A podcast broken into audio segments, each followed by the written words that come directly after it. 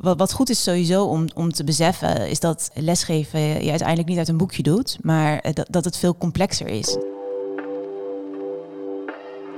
Welkom en fijn dat je luistert naar de Onderwijspodcast. In deze podcastserie van EduC gaat het over groepsvorming. En dan vooral over alle uitdagingen die bij het proces van groepsvorming komen kijken. Want groepsvorming is geen rechtlijnig proces. Het verloopt niet zoals het in het boekje beschreven staat. Alle mogelijke hobbels en hindernissen gaan we langs in deze podcastserie. Dat doe ik elke aflevering aan de hand van één case en met één of meerdere gasten. Mijn naam is Etienne Verhoef en dit is de Onderwijspodcast. Deze week te gast Judith van Beest van EduC. Judith, wil je jezelf eens voorstellen? Hoi, ja, mijn naam is Judith van Beest. Ik heb inmiddels 17 jaar uh, onderwijservaring uh, op mogen bouwen. Ik ben gestart als docent in speciaal onderwijs, uh, gewerkt voor diverse samenwerkingsverbanden, als pas het onderwijsconsulent en de laatste jaren mezelf ontwikkeld in diverse managementfuncties. En daarnaast werk ik met veel plezier als trainer en coach. En coach ik ook directie en teams in het primair en voortgezet speciaal onderwijs. Ja.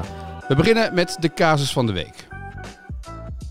Het is Emma's vierde jaar dat ze voor de klas staat in het middelbaar onderwijs. Ze geeft met veel plezier les en dat gaat ook best wel eens goed. Klas 3C is echter haar probleem. Er wordt niet opgelet, er wordt gekeet en de chaos overheerst. Ze heeft nog niet zo lang geleden de lerarenopleiding afgerond, dus heeft ze de boekjes over de groepsvorming er weer eens bijgepakt. Na een paar maanden alles uit de boekjes te hebben geprobeerd, verandert er niets bij 3C. En Emma vraagt zich af: wat moet ik doen als de regels uit het boekje in de praktijk niet werken? Is mijn klas definitief stuk? Judith, als je deze casus hoort. En zij denkt, is mijn klas stuk? Wat is dan het eerste wat jij denkt? Nou, uh, als eerste denk ik, nee, jouw klas is niet stuk. Maar het roept ook uh, nieuwsgierigheid bij mij op. Uh, uit ervaring weet ik dat de praktijk weer barstiger is dan de theorie soms doet denken. En er spelen zoveel factoren mee op groepsniveau en op individueel niveau. En ja, wat is de definitie van een probleem, haar probleem? Uh, dat is perspectiefelijk. En als ik dan kijk naar de Lewis-theorie van deep democracy, dan leert dat ons eigenlijk dat in wat mij zit ook in de groep zit. Dus in dit geval, wat Emma ervaart, ervaren de leerlingen ook. En uiteindelijk heeft niemand een monopolie op de waarheid. Nee. We hebben het over een boekje. Hè, zeg maar, soms moet het volgens het boekje gaan. Of je hebt allerlei dingen in de voor. Wat, wat zijn de theorieën? Kan je ons eens meenemen daarin? Um, jazeker wel. Ik wil eigenlijk wat nader inzoomen dan op de, op de theorieën um, van uh, Luhmann en Tuckman. Um, je mag Kurt Lewin wel een beetje als uh, de grondlegger van de groepsdynamica beschouwen. En hij stelt dat het gedrag van mensen een functie uh, van het karakter en de situatie van de omgeving, ja, dat dat uiteindelijk leidt tot, uh, tot, tot, tot de dynamiek, tot die groepsdynamica. Uh, je gedraagt je in een groep anders dan wanneer je alleen bent. Terug naar die klas dan, hoe zit dat dan voor een docent? Hoe, hoe zie je dat dan? Ja, de docent. Um, je hebt natuurlijk een docent die voor de groep staat. En je hebt de, de, leerlingen eigenlijk die, die in de groep zitten. En um, je hebt niet alleen, dat, er is niet alleen sprake van de groepsdynamica, maar er is ook sprake van, van eigen identiteitsvorming erbij. En dan kun je denken aan um, etnische uh, identiteit, uh, sociaal-economische statussen ja, het cultuur van Hofstede die helpt bepalen bij een uh, historisch en, en, cultureel bepaald uh, beeld wat je van jezelf ook uh, ontwikkelt. En ja, daar heeft de, de docent natuurlijk ook allemaal rekening mee te houden. Lijkt me ook zoveel. Je, je hoort deze, deze dingen en denkt, oh ja, weet je, in, in een klas, denk wat gebeurt hier eigenlijk? Wie, wie zit hier dan? Wat zijn de achtergronden van mensen? Ja, absoluut. Ja, dat is wel intensief. Ja. ja. En niet alleen de achtergronden van de mensen, maar ook de achtergronden die je van jezelf meeneemt die breng je ook altijd met je mee. Ja. ja. We, gaan die, we gaan wat dieper in hè, op al die fases zometeen. Uh, want het is wel interessant om te kijken, wat, wat gebeurt er dan zeg maar, uh, binnen groepen en binnen mensen? Ja. Kun je eens meenemen in een aantal fasen? Ja, ik denk dat het belangrijkste om, om uh, ja, de luisteraar in mee te nemen... die van Levine, Tuckman en Remmerswaal zijn. voor velen denk ik ook wel bekend je zou kunnen spreken dat uh, als ik de vier fases van Levine even als, uh, als leidend nu neem, dat je begint met een startfase. Daarin uh, is structuur eigenlijk het, kern, het, het, kernwoord en wordt gekenmerkt door de afhankelijkheid van de, van de groepsleider. Er is het aftasten van de veiligheid van de groep en consequent handelen. ook een heel groot deel wil bij de groep horen. Een leuke kijktip is daarvoor ook de Brain Game. Onlangs ook uitgevoerd door Victor Mits. Nou, kijk eventjes op, uh, op YouTube. Maar, uh, We zitten in de show notes erbij. Als je nu zit ja. te luisteren, klik even op de link. Ja, ja, absoluut. Ja, leuk. Want uh, daarin zie je ja, dat zelfs de grote, grootste individualist uiteindelijk bij de groep wil horen. Ehm, deze fase die kun je vergelijken met, uh, met de vormingsfase van uh, Tuckman. En bij Remmerswaal kun je het vergelijken met de oriëntatiefase. Um, nou ja, dan gaat, uh, dan gaat de groep die groeit met elkaar en dan krijg je de strijdfase. Um, daarin wordt bepaald hoe het team of de groep met elkaar omgaat. Onderlinge relaties worden ontwikkeld. verschillen tussen de individuen worden zichtbaar, worden benoemd. Um, ja, daardoor ontstaat uh, kritiek eigenlijk op elkaar. Dus um, ja, wij vinden anders lastig. Dus er ontstaat geroddel en er staat geklets. En dat is niet handig voor het onderlinge vertrouwen. En ja, het is wel een hele belangrijke fase, want het team leert omgaan met verschillen en tegengestelde belangen. Ja, als ik kijk nu naar de, de casus van Emma, dan um, zou je ook wel kunnen stellen dat, dat de groep van Emma op dit moment in de klas van Emma, in, in de setting zoals die zich voordoet, in die fase zich bevindt. Tuckman noemt het dan de, de stormingsfase, de conflictfase. Uh, en Remmerswaal spreekt dan meer over de macht- en affectiefase. Dus dit is de fase waarin docenten kunnen denken: Oh, mijn klas is stuk. Ik heb, toch, ik heb die startfase toch helemaal goed gedaan. We hebben met z'n allen eh, hebben bepaald wat, er, wat onze regels zijn in de klas en wat we doen. En in deze fase is een soort van paniek of oh jee, wat nu? Ja, absoluut. Uh, zo ervaarde ik hem altijd uh, wel als, uh, als docent zijnde. Ik, um, bij mij liep het dan, ik, ben zelf, kom zelf uit het, uit het primair onderwijs. Um, en wat ik daarin merkte was altijd zo tegen de herfstvakantie of na de herfstvakantie. Dan begon eigenlijk deze, deze fase bij mij. Hoewel die niet rechtlijnig is. Maar dan dacht ik altijd wel, oh shit, nu moet ik echt even aan de bak om, om hard te gaan werken. Dat is grappig, je zegt het, mijn dochter is zes. En ik zie dit inderdaad bij haar in de klas dus ook gebeuren. Precies na zo'n herfstvakantie, dan hebben ze de eerste fase gehad. Oh leuk, twee klassen samen. Absoluut. We zijn een nieuwe klas. En ineens ja. gebeurt dit. Ja, dan gaat toch iedereen uh, zijn eigen individuutje neerzetten en zijn, uh, ja, zijn, zijn normen en waarden uh, bewaken eigenlijk. En dan ontstaat er dus nou ja, deze fase. Ja, ik kan me voorstellen, dat is een klein uitstapje naar misschien naar middelbaar onderwijs, maar daar heb je natuurlijk soms dat je vakken met andere leerlingen hebt, dus dat, je, dat je steeds wisselende klassen hebt, dus dat dat wat anders zal zijn. Absoluut, ja. ja en dan spreek je natuurlijk ook over die eerste gouden weken, waarin je constant aan het investeren bent op de, op, op de groepsdynamica. Um, maar ja, wat goed is om te beseffen dat um, in, het, in het voortgezet onderwijs is, verandert die groepsdynamica voortdurend. Het verandert omdat je uh, elk uur een, een andere docent voor je hebt. Maar het verandert ook omdat bij de ene vakken uh, bepaalde leerlingen wel uh, aanwezig zijn en, en, en, bij het volgende vak weer niet. Dus ja, er is er is constant eigenlijk een aftasting van, uh, van, van groep en setting. Ja, precies. Je hebt de strijdfase. Dus dat is het moment dat je denkt de klas is stuk. Dan komt uiteindelijk wel weer een fase dat hopelijk die klas weer gelijmd en gerepareerd wordt, ja, toch? Ja, dat, zou, dat is altijd wel fijn. Ja, dat is wel een fijne fase. Ja, is de samenfase. Levine spreekt daarover. En dan merk je dat het team effectiever gaat functioneren. Mits het dus wel geslaagd is in het oplossen van die meningsverschillen, die waarden en normen. En ja, in het, in het ideaalplaatje maakt, maakt de groep gebruik van elkaars kwaliteiten. Um, dat geldt natuurlijk voor, voor, uh, op, op, op klassenniveau, op groepsniveau, maar dat geldt ook op teamniveau. Want ook als team doorloop je deze, deze stappen. En op het moment dat je elkaars kwaliteiten weet, kun je uh, ja, ook makkelijker elkaar daarop op aanspreken. En bovenal, er heerst vertrouwen en zelfstandigheid. Um, er is ruimte voor constructieve feedback, complimenten. Um, Tuckman spreekt in deze fase over norming en performing. Uh, of performing, sorry. En van Remmerswaal wordt er meer gesproken over de fase van de autonome groep. Ja. Dat is fase 3. Dat is een hele prettige fase, denk ik. Want dan heb je het gevoel dat je weer de boel onder controle hebt als docent, kan ik me voorstellen. Ja.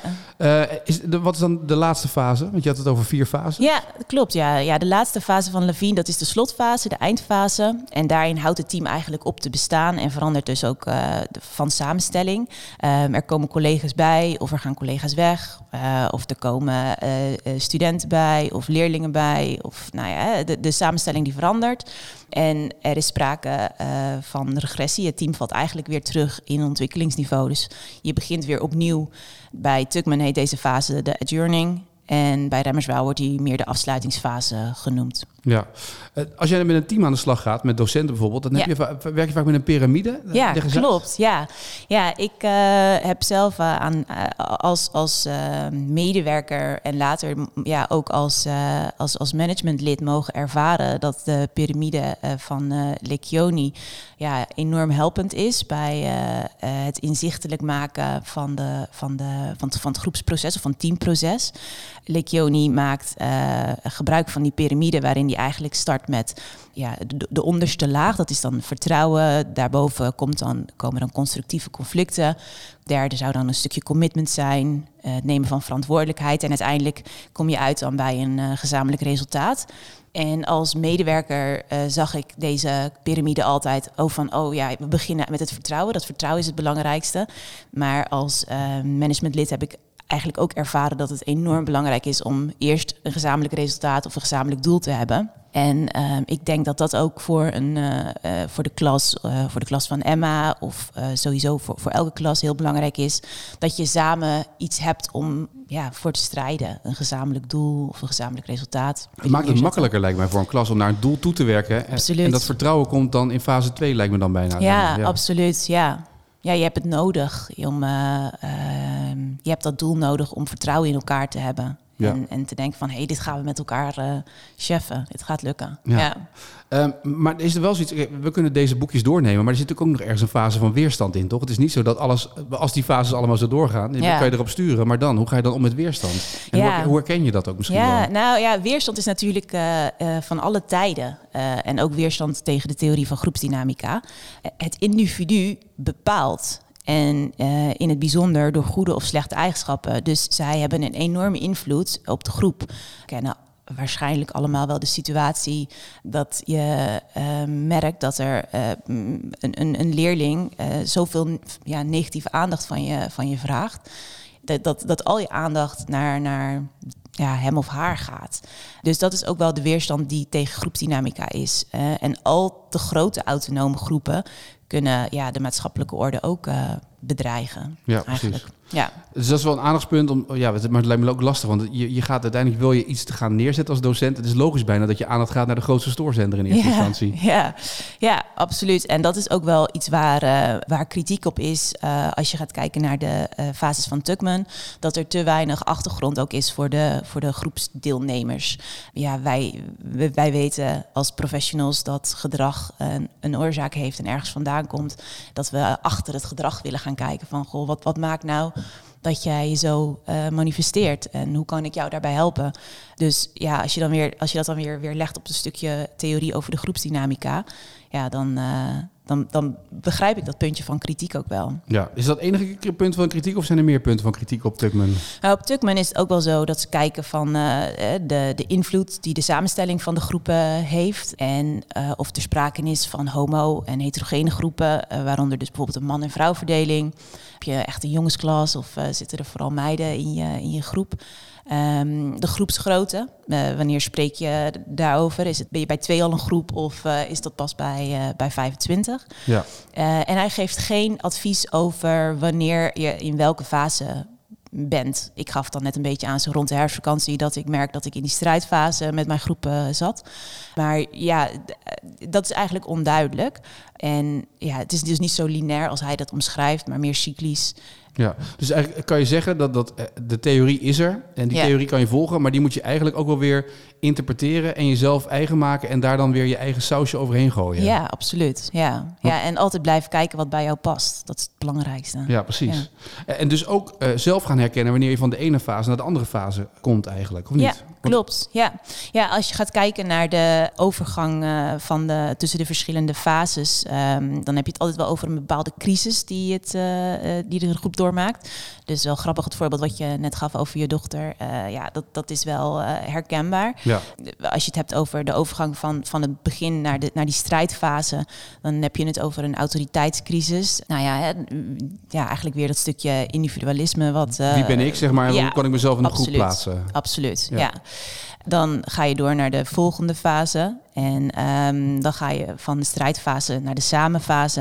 En dan heb je meer de intimiteitscrisis. Dus dan uh, ja, ga je opzoeken van uh, wie, wie, hoort bij mij en ehm, met wie, wie, heeft het vertrouwen. Um, en van de overgang van de samenfase naar de slotfase is uiteindelijk de separatiecrisis. Want het doel is dat je zo'n leuke groep hebt neergezet dat je niet meer bij elkaar weg wilt. Dus ja, dan heb je een soort kleine crisis die eruit breekt. Ja, want een crisis klinkt dan wel gelijk negatief, hè? Ook een intimiteitscrisis, denk ik gelijk, oh jee, wat betekent dat dan? ja, nee, het is, uh, woorden kunnen het soms uh, zwart-witter maken dan het is, maar je merkt dan gewoon dat je groep in beweging is. Daar komt het uiteindelijk op neer. Want als inderdaad als een groep een eindstation nadert, dus een einde van een jaar nadert, dan zie je ineens dat ze, oh jee, we gaan uit elkaar, wat gaat er gebeuren? Of de, de juf gaat weg, we moeten afscheid nemen van de juf of de meester. En absoluut. dat is de crisis, zeg maar, waar ze dan in zitten, de separatiefase. Ja, zeker. Ja, absoluut. En de intimiteitscrisis, wat is dat dan? Met wie heb je verbinding? Of hoe, ja, ja, eigenlijk dat. Een stuk vertrouwen. En met, met wie kan ik uh, uh, lezen en schrijven? Wie, uh, ja, met, met, wie ben ik? En met wie zijn we samen? Dus ja. En, en, zie je dan ook dan, is dat ook wat, wat ze dan zeggen, groepjes in groepjes in bij wijze dat je dat ziet gebeuren in een, in een klas of in, in een groep? Dat mensen inderdaad, met die ga ik meer om, met die meer. En dat. Ja. En dat je dat een beetje ook bij moet houden als docent? Of zien? Uh, ja, zien denk ik vooral. Ja, absoluut. Uh, zie en hoor de leerlingen en uh, kijk wat, ze, waar, ja, wat hen beweegt en waar ze mee bezig zijn. Ja. Ja. Daar zijn we natuurlijk begonnen met Emma. Ja. Middelbaar onderwijs, vierde jaar. veel plezier in het lesgeven, gaat best goed, maar 3C is haar probleem. Dan hebben we deze fases doorlopen met haar. Hè? Ja. Um, wat zou Emma nou, wat kunnen we haar nou meegeven? Ja, uh, wat, wat, goed is sowieso om, om te beseffen, is dat lesgeven je uiteindelijk niet uit een boekje doet, maar uh, dat, dat het veel complexer is. Dat is net als met opvoeden. De relatie en emoties die maken uh, het, het, complex. je eigen betrokkenheid maakt het complex. De rugzak die je met je meedraagt, maakt het complexer. En um, het is maatwerk, dus dat is niet te vangen op papier, niet in de theorie. Maar het geeft wel houvast. Dus dat, dat is, het is goed dat Emma er wel weer in is gedoken om, om de situatie ja, voor haar te kunnen duiden, uh, te kunnen vatten. Uh, denk aan de bekende Latijnse uitspraak, kennis is macht. Daarmee kan Emma wel weer een soort inzicht krijgen van hey, in welke fase zit ik nu en ja, waar kan ik me op gaan richten. Wat ik dus net ook eigenlijk al aangaf, was dat uh, Emma dus in die, zich in die strijdfase bevindt. En ik denk dat het heel belangrijk is dat zij um, ja, de groep verantwoordelijk gaat maken voor het gezamenlijke resultaat. Hè, waar we het net ook over hadden van die piramide van Leccioni. Dus ga samenwerken. Versterk de regie van, van leerlingen. Verdiep jezelf in uh, regieversterkend handelen.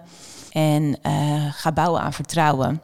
Want ook zij zijn hè, de klas is ook verantwoordelijk om er met elkaar een, een zinvolle en leerzame les van te maken. En uiteindelijk zijn zij verantwoordelijk voor hun eigen leerproces. Ja, dus eigenlijk, je zegt eigenlijk, eh, je doet even een stapje terug misschien wel, omdat je misschien beseft dat je geen doel hebt voor de klas. Ja. En dat kan je altijd nog in fase 2 wel inbouwen. Zeker. Om van daaruit naar fase 3 te komen. Ja, nooit opgeven. Nooit opgeven. Nee. Ja, uh, spreek die intrinsieke motivatie aan. Eh, laat Emma opmerken wat er in de klas gebeurt. Uh, en of er nog meer zijn die dat opmerken. heb je een mooi uitgangspunt voor een gesprek op groepsniveau. Um, gebruik oplossingsgerichte vragen. Stel zinnen als wie herkent dit? Uh, wat me opvalt is dat. Kijk, het is belangrijk dat Emma zich nu focust op de, op de grote groep en zich later gaat inzoomen op individueel niveau. Eerst binden op grote schaal. En ja, als ze zich daar niet content in voelt of nog merkt dat ze daar wat onzeker over is, ja, die, die kids die merken dat ook. Dus vraag dan versterking uh, van een zorgdocent of intern begeleider. Of uh, zorg voor collegiale consultatie. Maar gewoon voor iemand bij wie je je op je gemak voelt. Ja, maar in ieder geval ja. open vragen of oplossingsgerichte vragen stellen van... weet je, ik zie dit, hoe kunnen we dit aanpakken, veranderen... kan al een begin zijn om het gesprek aan te gaan. Ja, zeker. Ja, en ook werkvormen inzetten, zoals coöperatieve werkvormen... Uh, uit de theorie van Teach Like a Champion. Maar je kan ook denken aan uh, werkvormen uit Deep Democracy. Het is gewoon belangrijk dat Emma nagaat wat er bij haar past. En wat is een werkvorm? Ik ben heel benieuwd. Wat, wat zou je kunnen doen als werkvorm? Kan je een, voorbeeld geven? Uh, ja, je kan uh, werkvormen inzetten waarbij je de hele klas uh, laat samenwerken. Een, een, hele simpele werkvorm is bijvoorbeeld zo snel mogelijk een, een voorwerp door de klas heen loodsen. Of vragen ehm, om allemaal zo snel mogelijk op een rij te gaan staan op alfabetische volgorde. Of ehm, nou ja, dingen op, Of op huisnummer, wij spreken, of schoenmaat, dat soort Ja, dingen. Maar puur ja. zeg maar heel erg dat ze met elkaar samen moeten werken, kan al verschil zijn. Absoluut. Ja. Ja. En ook door die vraagstellingen eh, mooie gesprekken laten plaatsvinden. Ja. Ja. Eh, dit zijn natuurlijk dit is puur gericht op Emma. Zijn er algemene tips die je meeneemt op weg naar groepsdynamica waar je op kan letten? Of wat je in ieder geval eh, zeker wil meegeven voor mensen die nu luisteren en denken: wil je meer mee doen voor mijn gevoel? Ja, zeker. Als je het idee hebt van eh, ik loop vast met mijn groep, is het belangrijk om een goede analyse te maken. En vanuit daar een oplossing eh, ja, te bedenken en door te zetten door voorbeeldgedrag te tonen. Ehm, wat ik belangrijk vind, is dat degene die de docent hierin begeleidt, of het team begeleidt, niet gelijk in de, in de probleemoplossing schiet. Ehm, laat de ander eerst maar nadenken en ervaren. Ja, voor de groep kun je denken aan de, aan de welbekende uitspraken. Practice what you preach, model what you want. Doe wat je zegt en zeg wat je doet. Daar ben ik echt mee, eh, mee, mee grootgegroeid, zeg maar. eh, Zo indoctrineren onderwijs. alleen maar. Hup, Absoluut, hup, ja. ja. Ehm, maar dat maakt mezelf eh, wel voorspelbaar. En eh, jongeren, kinderen, die vinden het fijn om te weten wat ze aan je hebben. Zeker in het, in speciaal onderwijs of binnen het speciaal onderwijs. Maar het kan ook heel goed werken in het basisonderwijs eigenlijk. Hè. Bij- Zeker. Je vergeet het bijna. Zeker. Maar vanuit die dingen kan je heel mooi. eh, Ja, ja. absoluut. Ja. En wat echt een hele belangrijke is, eh, connect before correct. Ehm, het is belangrijk dat je echt eerst binding maakt met de, met de studenten. Eh, zonder relatie ben je echt nergens. Dus maak bondjes, toon interesse. Wees bovenal echt jezelf. Want op het moment dat je jezelf anders neerzet, dan prikken die, ja, ze prikken er gewoon doorheen. Dus dan hang je eigenlijk al sowieso. Ja. Ja, ja, dat hebben we vaker gehoord ook in de vorige podcastserie. Als je een rol speelt, ja. nee. eigenlijk. Nee hoor, nee. Je kan beter je maskers gewoon eh, thuis laten, want eh, ja, ze hebben het door. Ja, dus ook Ja. wel heel eerlijk zeggen, ik weet het niet. Kan ook al heel erg helpen. In plaats van zeggen, Ja. ik heb overal een antwoord op. Ja, zeker. Eh, we, ja, we zitten nu ook wel in een nieuwe psychologische stroming die natuurlijk steeds meer kwetsbaarheden laat zien dat het oké Ja. is dat we kwetsbaar mogen zijn, dat we ons kwetsbaar mogen opstellen.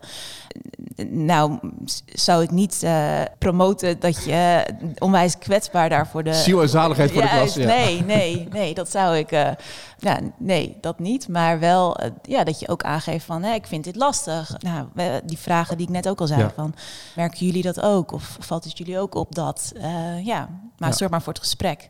Ja. Ja. Ik kan me ook heel goed voorstellen dat docenten vaak, dat zijn mensen die mensgericht handelen. Dus die willen graag ook dingen oplossen. En eigenlijk het oplossen voor de klas. Ja, Maar als je het over groepsdynamiek hebt, dan is het natuurlijk heel lastig om in je eentje een hele groep op te lossen. ja, absoluut. Wat belangrijk is dat je eh, ook de regie gaat aanspreken bij, bij, de, bij de leerlingen, bij de studenten. Het is goed om te beseffen dat de docent in het voortgezet onderwijs echt een overdrachtsdocent is.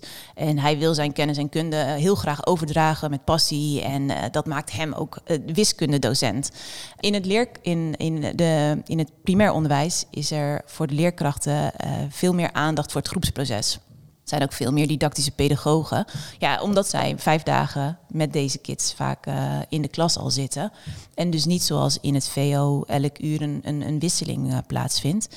Dus dit is eigenlijk al gelijk een soort shout-out naar de eh, lerarenopleiding. Om ook veel meer aandacht te besteden aan de sociaal en emotionele ontwikkeling van, van, van leerlingen. Zeker bij de eerste en tweede graads eh, leraaropleiding. Maar ja, eigenlijk geldt voor, voor beide doelgroepen. Bied inzicht. En leer analyseren door bijvoorbeeld door middel van trainingen. ehm, maar door je ook bewust te zijn welke, welke rugzak je bij je hebt, welke doelgroep je voor je hebt, wat eh, hun niveau is, wat hun worstelingen zijn. Ja, Maar dat, dat klinkt ook wel bijna zeg maar, als iets waar je de tijd voor moet nemen. En de vraag is natuurlijk een beetje het onderwijs, is daar tijd voor überhaupt? ja, ja, snap ik. Ik denk dat het wel belangrijk is dat op het moment dat je voor de groep staat, dat je ook wel je, meer over jezelf bewust bent.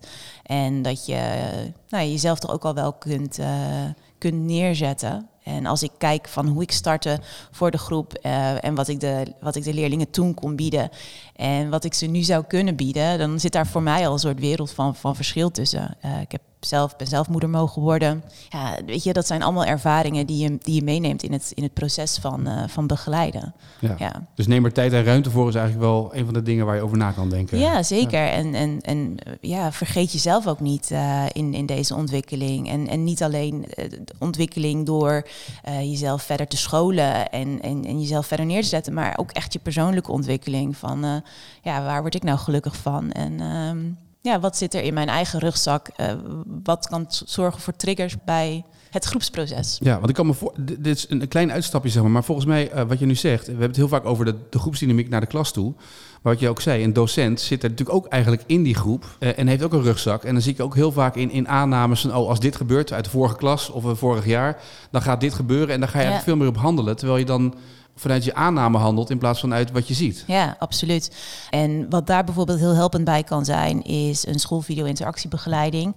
Uh, daarmee ja, kun je met de docent samen gaan kijken naar het, het, het leerkracht handelen eigenlijk. En daarmee geef je de docent ook alweer handvatten van hé, hey, wat zie je dat er hier gebeurt? En ja, ben je het gedrag van de docent aan het analyseren? En, en, en hoe zich dat verhoudt naar de, naar de relatie eh, met de klas. Ja. ja. Dit is een, een podcast die ook gaat over mentoraat. Is het nou echt een mentortaak of is het eigenlijk ook voor elke docent een taak? Want dat is ook natuurlijk lastig. Ik kan heel makkelijk zeggen, ja, het is jouw mentorklas, regel jij het maar. Ja. dat één uurtje per week. Maar dan... Ja, nee, ik kan me, ik kan me dat heel goed voorstellen dat, uh, dat, je, dat je het met elkaar samen doet. Weet je? Uh, alleen kom je ver, maar samen kom je verder. En je hebt ook gewoon als docent een programma af te werken. En zeker in het voortgezet onderwijs, daar word je ook op beoordeeld. Maar probeer met elkaar toch ruimte te maken voor het, het, het, het, geven van constructieve feedback. En zeker met, uh, in samenwerking met de klas. probeer gewoon tien minuutjes van je, van je les af te snoepen. Want uiteindelijk levert het zoveel, zoveel meer op. En daar hadden we het net ook over. Uh, spannend, want dat is ook kwetsbaar wanneer, je, uh, wanneer de, de, de leerlingen ook over jouw lesgeven iets mogen zeggen. Maar goed, jij zegt ook iets over hun handelen en over hun leer- en werkhouding. En um, je, je, doet het samen. Dus ja, dat is wel. Het, het, het, levert hele mooie, mooie en open gesprekken eigenlijk op. En ja, daarbij versterk de regie ik ben een groot voorstander van regieversterkend handelen. Geef ze regie over hun eigen leerproces. Um, leerlingen, maak ze een onderdeel, betrek ze erbij. Ja. ja. Uh, de link naar Brain Game staat uh, bij deze podcast bij de, in de show notes. Ook uh, de link naar meer informatie hierover. Mm Judith, wil je ons luisteraars tot slot nog één ding meegeven? Of zeg je van nou, weet je, we hebben alles heel mooi behandeld? Nee, ja, ik wil, wil ik zeker wel. Ja, zorg met aandacht voor elkaar, zie en hoor elkaar. En ik heb een hele mooie quote van, van Remmerswaal. Uh, dat is uh, wanorde schept orde en omgekeerd. En als je die nog een keer hoort, dan uh, zal je opmerken dat die paradoxaal is.